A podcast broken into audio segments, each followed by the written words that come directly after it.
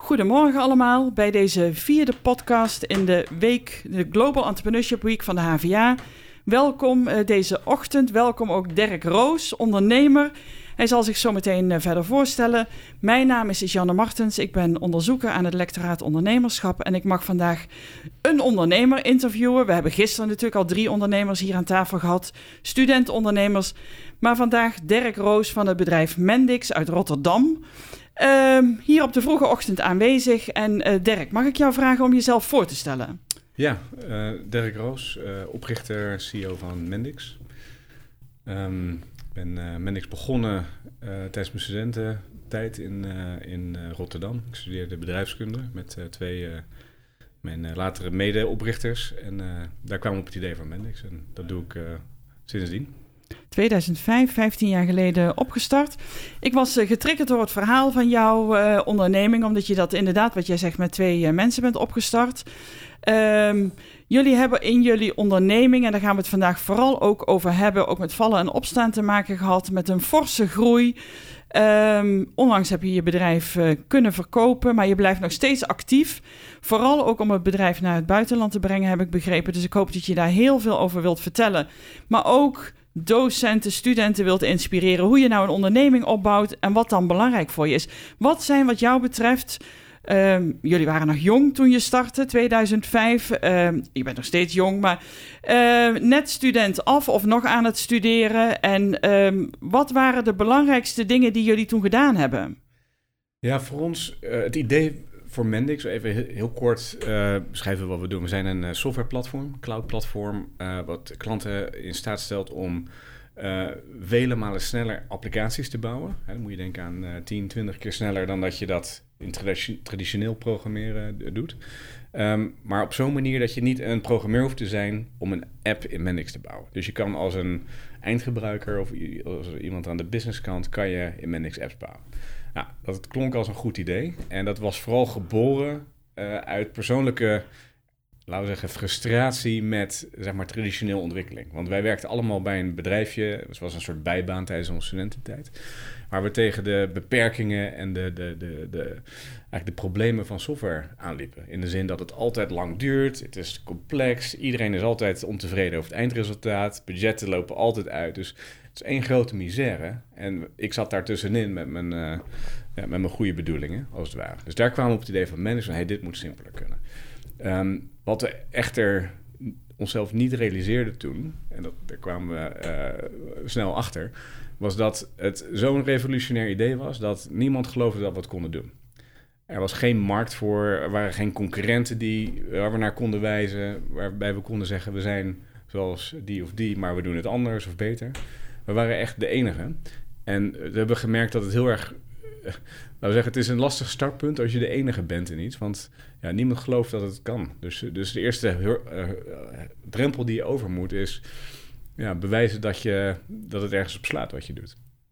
En wij zeggen altijd tegen onze studenten: je moet, je moet marktonderzoek doen. Je moet kijken wie je eindgebruiker is, of die bereid is om daarvoor te betalen, of, of iemand staat te wachten op jouw product. In dit geval hebben jullie dat niet kunnen doen. Nou, of hoe zag dat eruit? Nou, dat, dat marktonderzoek dat was eigenlijk onze eigen ervaring. ik, ik, werkte twee jaar bij dat bedrijfje tijdens mijn studententijd. Als, als, ik was daar in loondienst. Het was een, uh, een softwareontwikkelclub in, in Rotterdam. En dus ik had eigenlijk twee jaar al ja, aan de lijve on, onder, ondervonden wat het probleem was. Dus, en dat was ook direct de overtuiging die we hadden. Want het was ons probleem wat we probeerden op te lossen. Het was niet een soort visie voor iets wat mogelijk een probleem zou kunnen zijn. We wisten dat het een probleem was. En we wisten dat ieder bedrijf op aarde hetzelfde probleem had. Iedereen heeft namelijk software nodig. Um, alleen de oplossing die we bedacht hadden, die werd nogal uh, ongelooflijk uh, um, gezien destijds. En hoe heb je dan die brug geslagen? Wat, wat, wat kun je tips geven aan studenten die ook problemen zien, zoals jullie dat gezien hebben, die vervolgens een idee hebben, maar hoe sla je dan die brug tussen dat idee en die oplossing die je hebt. Want men, je geeft het zelf al aan. Um, mensen hebben het idee dat het niet kan, dat het bijna te mooi is om waar te zijn. Dat zijn dan mijn woorden. En toch heb je een, een oplossing. Hoe, hoe sla je die brug? Ja, nou, ik vind zelf altijd als iets te goed, te mooi om waar te zijn um, uh, klinkt, dan dat is voor mij altijd al. Uh, intrigerend. En dan denk je, hey, dat is interessant, daar, daar zit iets, daar wil ik meer van weten. Is het echt zo?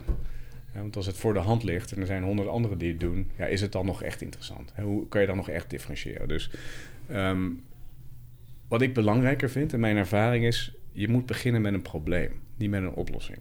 En je ziet veel ondernemers die beginnen met een oplossing, beginnen met een idee voor iets wat ze kunnen bouwen of een technologie die ze ontwikkelen of wat dan ook. Maar lossen ook echt een probleem op. Dus wij, wij hadden, ehm, en dat was denk ik meer geluk dan wijsheid destijds, dat we vanuit een probleem en een, en een bepaalde persoonlijke ervaring en frustratie geboren zijn. En toen, het probleem, en toen de oplossing moesten zoeken. En ik had het geluk dat ik een, uh, een ja, mijn medeoprichter, dat was, dat was een echte techneut, uh, zat in Delft. En nou, die, we hadden wel de visie van, hey, ik moet als eindgebruiker software kunnen bouwen. Dat was de visie. En hij is toen nagedacht van, hey, hoe kan ik dat voor elkaar krijgen? En toen hebben we eigenlijk bedacht dat we een nieuwe taal moesten ontwikkelen. En dat moest een visuele taal zijn. Waar je traditioneel in software eh, programmeertalen aan het coderen bent. Um, hadden wij bedacht, ik moet eigenlijk in Lego-blokjes, als het ware, drag and drop kunnen slepen op mijn scherm. En zo een app in elkaar slepen. En dat, dat was het idee. En uh, ja, dat is nu een beetje de norm in softwareontwikkelland. Uh, maar toen waren we de enige. En, en dan blijft toch nog heel even mijn vraag, daar kom ik toch nog een keer op terug. Hoe heb je dan de brug kunnen slaan tussen die potentiële eindgebruiker? Die, hè, jij zegt het is te mooi om waar te zijn en dan is het voor mij een uitdaging om het te gaan bouwen. Maar die eindgebruiker, die moest je overtuigen van jouw product. Die moest, daar moest, die, moest dat gaan uh, afnemen. Hoe, hoe, heb je dat gedaan? Hoe, hebben, hoe hebben jullie dat gedaan? Ging dat vanzelf? Nou, um, dat was... Uh, dan de volgende stap. Hè? We hadden een visie, uh, maar ja, is daar ook echt vraag naar? Mm -hmm. en, mhm. ja, dat was in eerste instantie onze eigen behoefte, dus we hadden daar wel uh, een goed gevoel bij. Maar ja, het is niet, uiteindelijk het beste bewijs is, zijn er bedrijven die bereid zijn te betalen voor jouw oplossing. En um, toen uh, ben ik letterlijk gewoon begonnen om bedrijven te benaderen. In eerste instantie in ons privé-netwerk, mensen die we kenden. Maar vrij snel ja, ga je toch vrij koud aan de boer op en, en kijken of je pitch landt.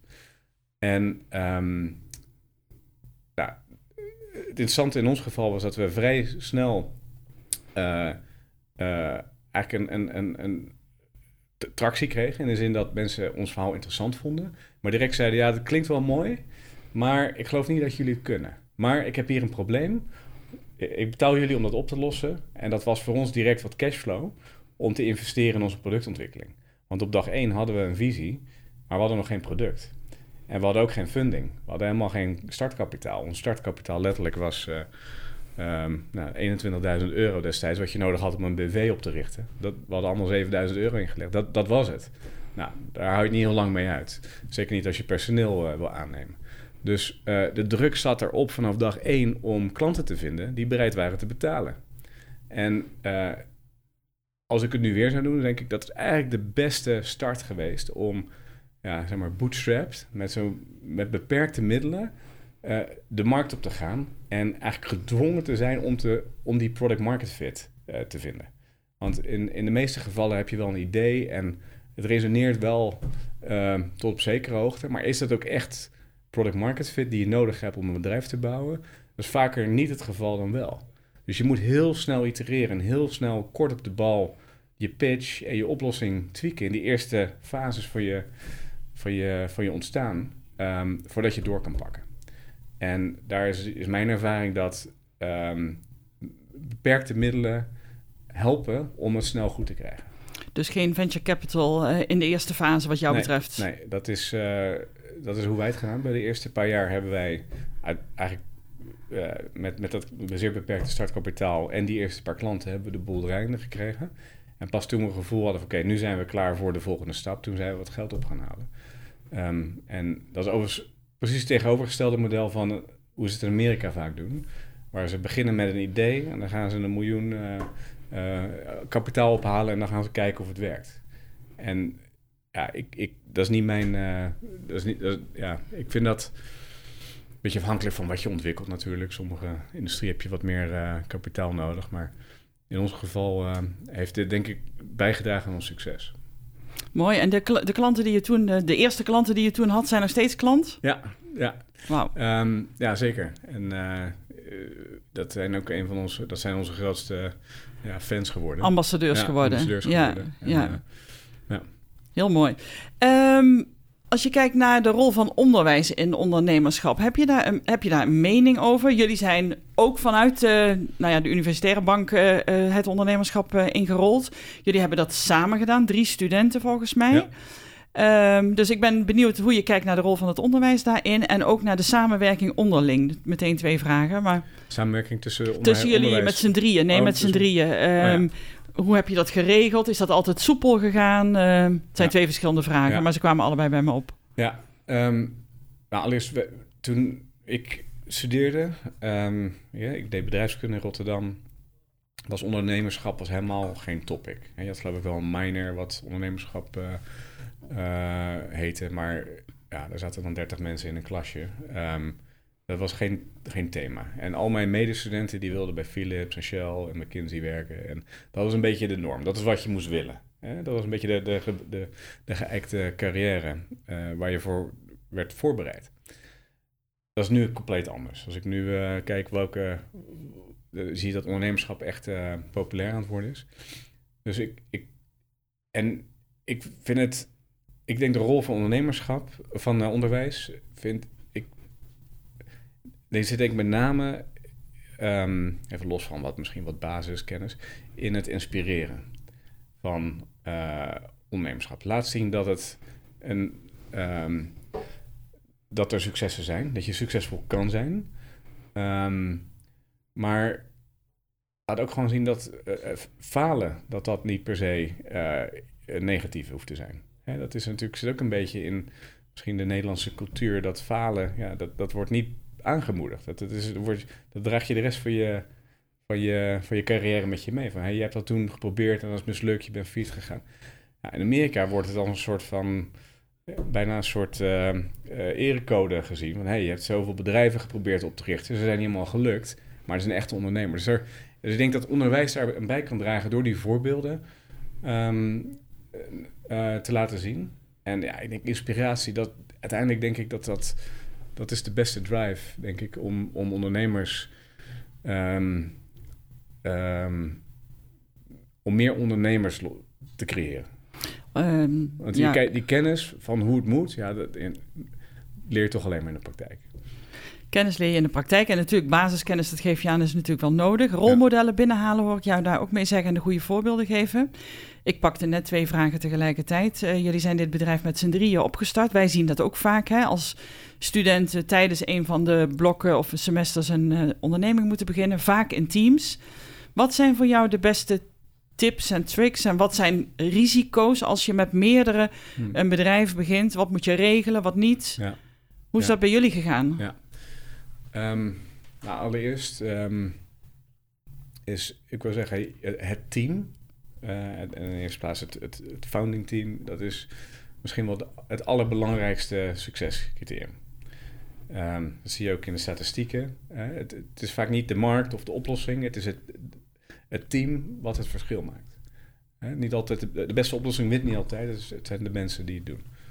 En ehm, ik heb het geluk gehad dat ik twee mede-oprichters heb. ehm, die, wij zijn dus met z'n drieën. Ik denk dat we elkaar alle drie aanvullen. Ik heb wel eens gezegd, als je een soort. eh, als je.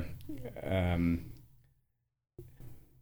als je een van ons weg zou halen, dan, dan, dan, dan heb je niet dezelfde, eh, heb je niet dezelfde eh, formule. Dus het is echt een soort drie, eh, Drie eenheid. drie eenheid. Ja. En ja, ik denk dat dat ook een beetje geluk is geweest. Maar we zijn alle drie compleet anders. Eh, en vullen elkaar dus ook in die zin compleet eh, eh, aan. Ehm, en het team wat we daar in de tijd over omheen gebouwd hebben, eh, versterkt ons en, en vult ons in die zin ook weer, ook weer aan. En zeker de eerste 20, weet je wel, 50 man die je aanneemt, ja, dat is, zo'n, dat is de harde kern van je bedrijf. Daar, daar, die, die maken het verschil. En, en zorg dat je succesvol bent of niet. En weet je, die markt die verandert, jouw oplossing verandert. En weet je, daar is niet zoveel. En, en tegenslagen en, en onvoorziene dingen, die komen gegarandeerd op je pad. Dus daar kan je niet al te veel, denk ik, op voor bereiden. Anders dan dat je mensen hebt die met een bepaalde mindset, een bepaalde flexibiliteit uh, en een bepaalde creativiteit daar, die daarmee omgaan. Dus het komt er toch weer op neer. Dus um, ja, ik ben een groot voorstander uh, van uh, bedrijf oprichten niet in je eentje, maar met anderen. Om simpele reden dat niemand een compleet, het complete pakket biedt. Als je dat met anderen kan delen, de successen, maar zeker ook de tegenslagen, is het fijn dat je dat kan delen met mensen. En, en het sparren ervan. En um, daar is een, co-founder, zit er altijd anders in dan een werknemer. Per definitie. Dus dat, dat is mijn ervaring. Dus ik zou dat altijd, uh, ik zou altijd één of twee anderen kiezen. Ik zou het ook niet te veel doen. Want hoe, hoe, dan neemt het risico weer toe dat er iets niet lekker loopt. Um, daar ga ik toch even een vraag over stellen. Want jij zegt, we hebben een beetje geluk gehad. Hè? Je, je vindt elkaar met z'n drieën.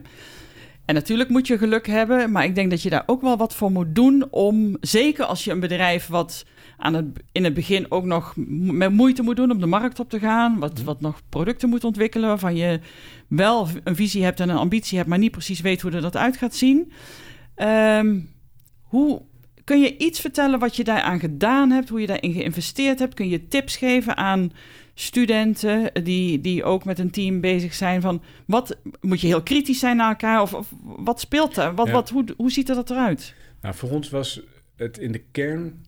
Uh, het, het, gaat erom wat heb je. Zij, zij op dezelfde manier in? Heb je dezelfde ambitie? En ben je allemaal bereid om, er, om dezelfde offers te doen? als je een bedrijf begint, zeker in het begin, ja, dat, dat is gewoon een enorme offer. Uh, het, is, het vergt al je tijd. Je, kan het niet als een soort lifestyle ding, hobbyproject erbij doen. Ik geloof niet dat dat uiteindelijk gaat, gaat, werken. Dus je moet bereid zijn alles op alles te zetten. En um, zo, moet je er gelijk, zo moet je er gelijk inzetten. En, uh, inzetten. En uh, je ziet vaak ook als het, als het niet goed gaat tussen founders dan is dat, heeft dat vaak daarmee te maken. Dat er eentje net vindt dat hij twee keer zo hard werkt als de rest. Dat leidt op termijn toch tot, een, tot ontevredenheid en conflict. Um, en um, iedereen moet zijn rol kennen. Hè? Omdat wij elkaar allemaal aanvulden, was vanaf dag één duidelijk welke rollen we gingen vullen. En, en we geloofden ook alle drie van, als we een belangrijke beslissing moeten nemen, ja, dan, dan challengen we elkaar. En dat kan er best heftig aan toe gaan soms. Maar we, wisten altijd alle drie, het, het, het resultaat daarvan is altijd, is, is altijd beter dan wat, er, uh, wat we erin stopten. Um, toen wij begonnen, en ik weet nog goed, eh, de eerste meeting die we hadden met z'n drieën, toen we nog bij dat andere bedrijf werkten. En oké, okay, we, we hebben dit idee, wat gaan we nou doen? Weet ik nog goed, toen hebben we uren gepraat, niet over het businessplan of uh, hoeveel geld we gingen verdienen, of hoe groot we gingen worden, of hoe, zelfs niet de technologie. We hebben toen vooral gehad, oké, wat willen we creëren? Wat willen we bouwen? Wat voor bedrijf uh, moet dit worden? En toen hebben we eigenlijk vastgesteld, hebben we toen ook opgeschreven, we moeten een bedrijf zijn wat één, de beste is in onze markt wat we doen. Hè? Dat is een soort ambitie, we moeten de grootste zijn, de beste enzovoort. Um, en twee, uh, we moeten een bedrijf en een cultuur creëren wat in staat is om de beste mensen van de markt te trekken en ons te inspireren en ons beter te maken. En dat is toen onze duale missie geworden. Dat hebben we opgeschreven. Tot op de dag van vandaag is het nog steeds waar um, we alles aan toetsen. Uh, en ja, we noemen dat Mendix Blue. En je ziet, we hebben inmiddels 1200 man. Iedereen weet wat dat betekent en iedereen draagt dat uit. Uh, en die cultuur, ja, uiteindelijk is dat, um, denk ik, uh, essentieel om een bedrijf succesvol te maken en zeker te schalen. Um, en uh, uiteindelijk ook iets wat mij persoonlijk drijft. Ik word gedreven door bezig te zijn en creatieve oplossingen bedenken met mensen die net zo gedreven en, en misschien een stuk slimmer zijn um, dan, dan ik. En ja, als je dat weet te creëren, ja, dan, weet je, dan kan je ook problemen aan. En um, in het artikel dat ik gelezen heb, stond ook dat je mensen uitnodigt om kritisch te zijn op jou. Heb je dat nodig om verder te komen? Of waarom nodig je juist mensen uit om uh, kritisch te zijn? Ja, dat, voor mij is dat een, het is, het is, het is een no-brainer. Het is, um, kijk, het team is altijd slimmer. Het collectieve brein is altijd beter dan een enkel brein. En um, ja, dat is een soort, soort overtuiging. En maar om dat los te krijgen, moet je dus eigenlijk geen, weinig hiërarchie hebben. Um, je moet een cultuur hebben die gebaseerd is op... Uh, um, transparantie, respect, openheid. En ehm, ja, ook durven zeg maar, de, de, de conflicten op te zoeken.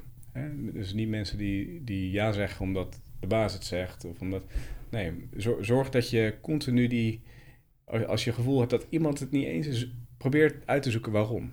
En, uh, en haal dat naar boven. En, en dat kan er soms best fel aan toe gaan.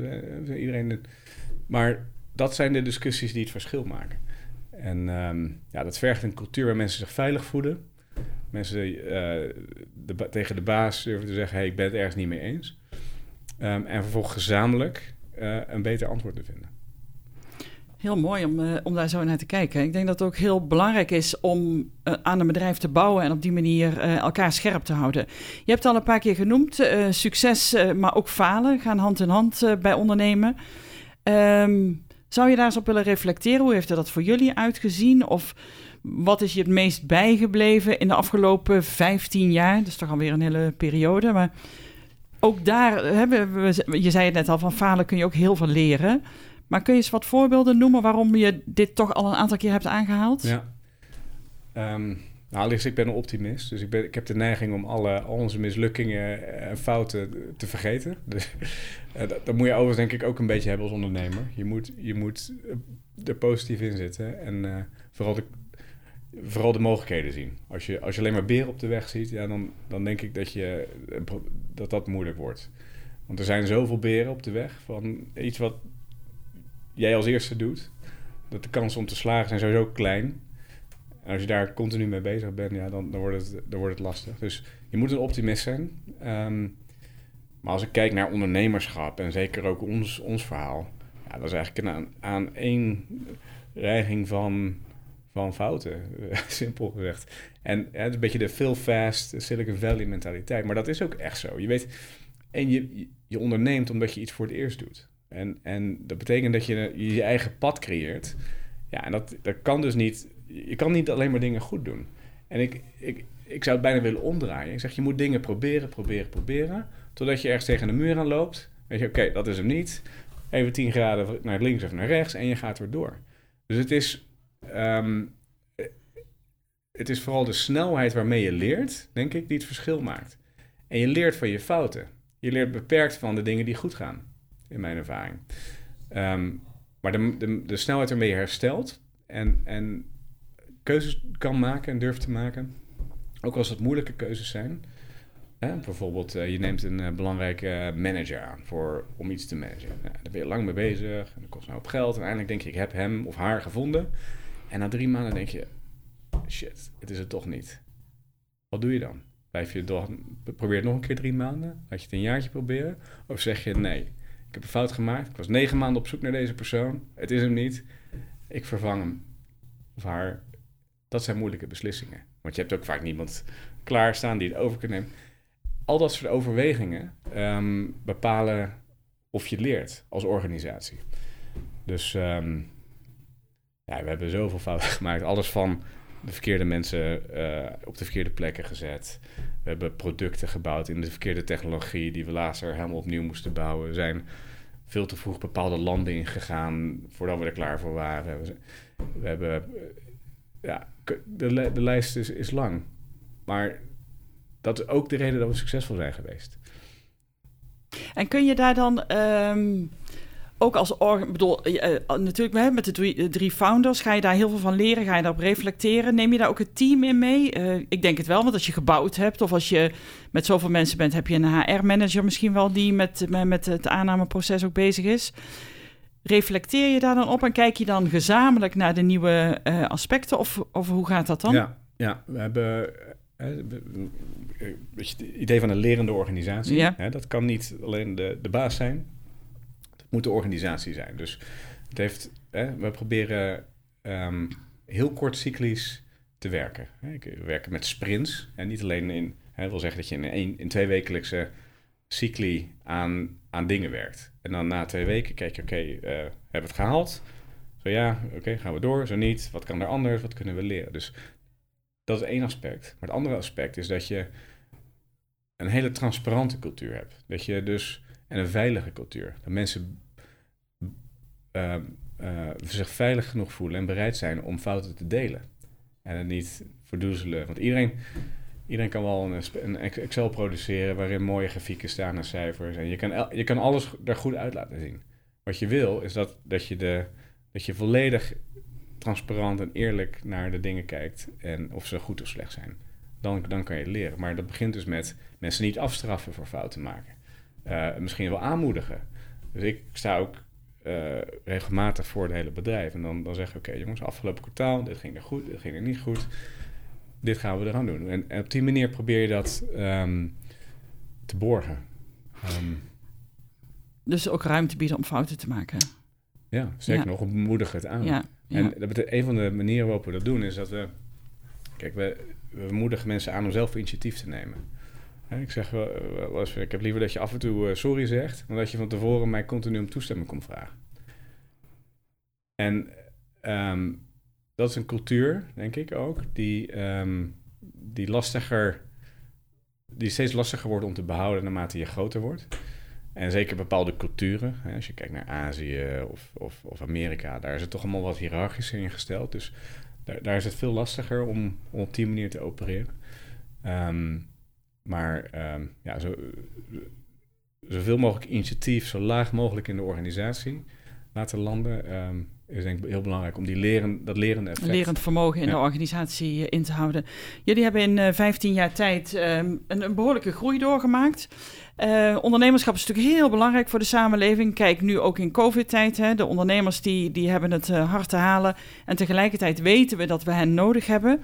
Um, als je nu vanuit jouw perspectief als ondernemer kijkt naar de samenleving, wat zou dan je droom zijn? Wat zou dan je, wat zou je willen op het gebied van ondernemerschap? Wat zou je studenten mee willen geven? Wat zou je docenten mee willen geven?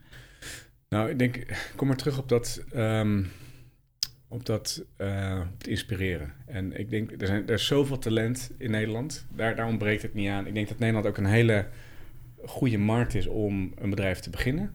Um, Um, alleen het is ook een kleine markt. Dus ik zou zeggen, we moeten als, als maatschappij, als onderwijsinstituten, als overheid, maar ook als bedrijven ondernemerschap uh, inspireren.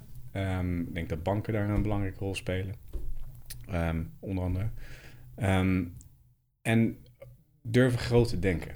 Uh, ik denk dat dat misschien wel een van de dingen is waar we nog het meeste te doen hebben. We denken vaak binnen de Nederlandse grenzen.